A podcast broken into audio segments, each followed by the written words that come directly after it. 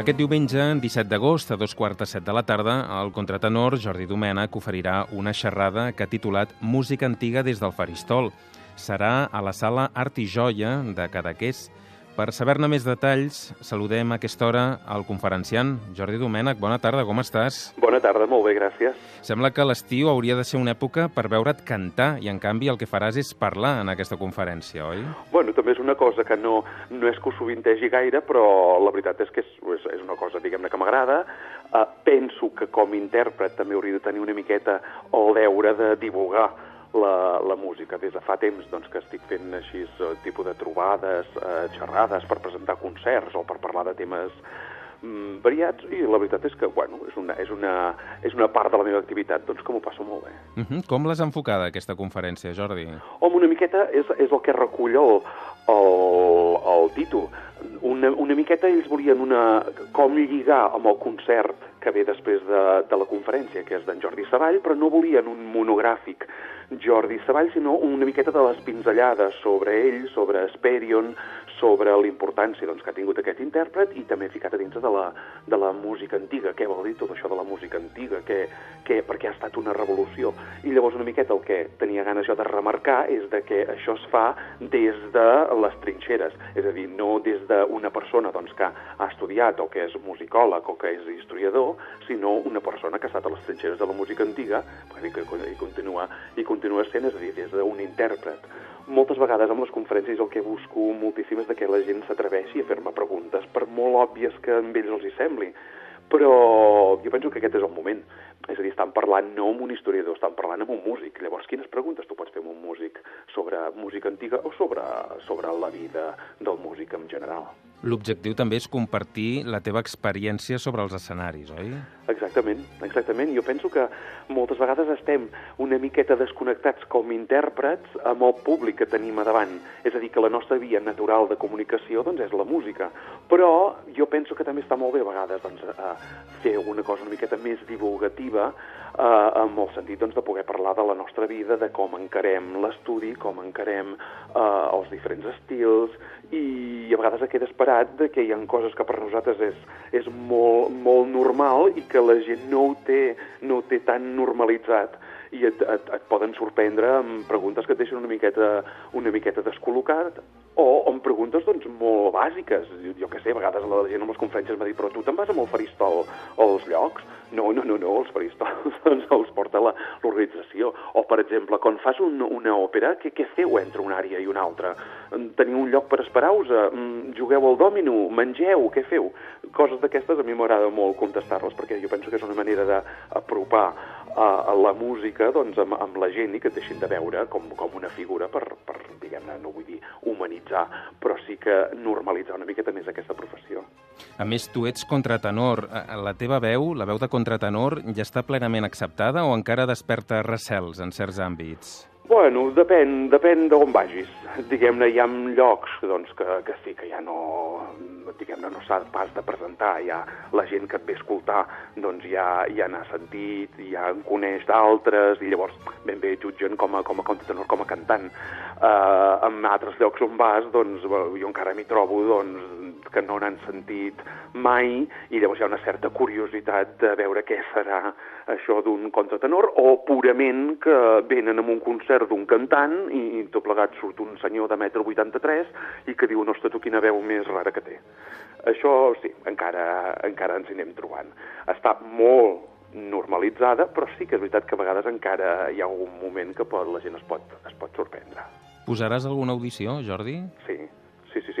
Sí, perquè també tenia ganes de, a veure, un, un dels principals intèrprets que ha deixat més producció discogràfica és precisament en Jordi Savall. Llavors sí que tenia ganes doncs, de triar uh, alguns enregistraments, uh, no sé, parlar una miqueta també de...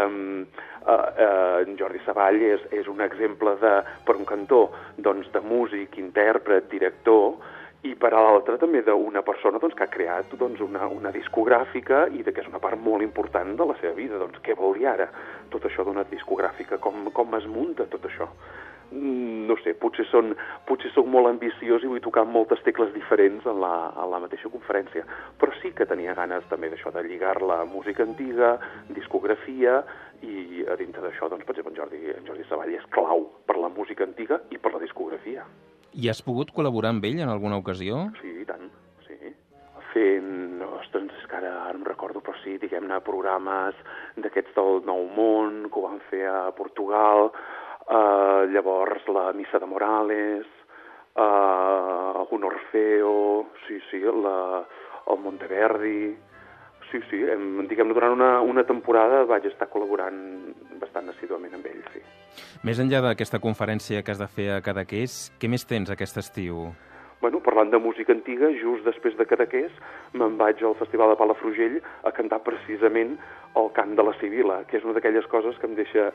Bueno, vull dir que jo sempre el cant de la Sibila sempre me l'han demanat per Nadal, i, i aquesta vegada doncs, el, el, el Festival de Palafrugell volia mm, un, un cant de la Sibila i em volia a mi fent-te'l. Llavors és just el dia, el dia 20 i em fa molta il·lusió cantar el cant de la Sibila fora de temporada, diguem-ho diguem així. És com cantar el Masies mm, a l'estiu, també.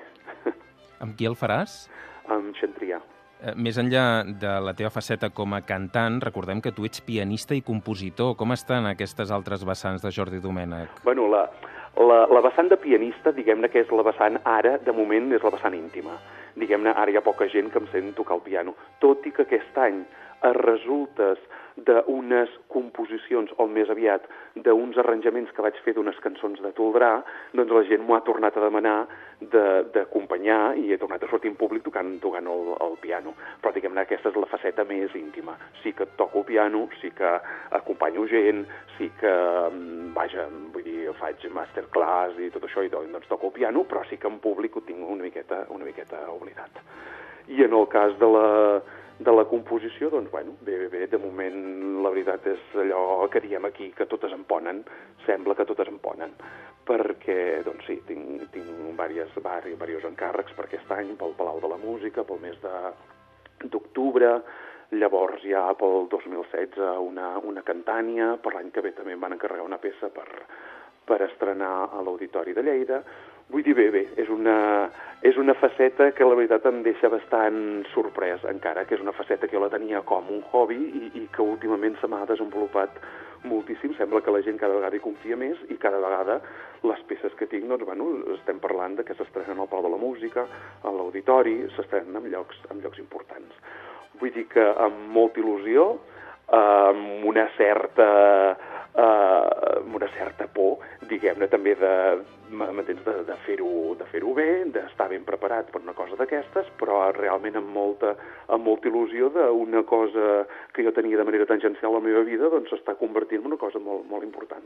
Parlem sempre de música coral, encàrrecs corals. No, no, diguem-ne, un, aquest encàrrec que tenia, que precisament haig d'entregar el dia 1 de setembre, vull dir que ara ja estic treballant de ple, doncs precisament és una peça doncs, que m'ha encarregat una, una, una orquestra i, i, i és, és, és orquestral, em van dir la plantilla que, que tenien i, i això, que volien la, la, més o menys la durada de, de la peça. Jo em vaig trucar dient, però segur que m'ho voleu dir a mi, perquè jo més aviat m'he especialitzat en una producció vocal o en una producció coral o, no, o fins i tot una cosa més pedagògica per, per nanos petits, però sí, sí, sí, sí, que et volem a tu, que et volem a tu. Doncs, bueno, que sàpigues que serà la primera vegada que no tinc l'ajut de la paraula, del poema, que això ja moltes vegades ja t'inspira moltíssim la peça que vols fer.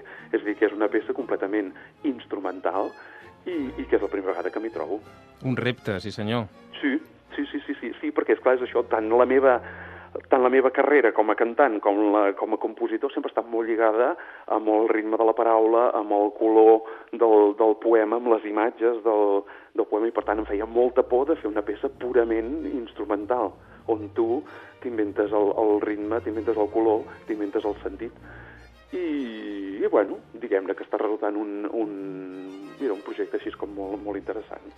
Estarem atents a aquesta nova composició per a orquestra. De moment, nosaltres el que ens quedem és amb aquesta xerrada que faràs diumenge a Cadaqués, a la sala Art i Joia, a dos quarts de set de la tarda. Que vagi molt bé aquesta xerrada, Jordi, que acabis de passar un molt bon estiu. Moltes gràcies, igualment, a veure que no plogui, que ja n'estem tips.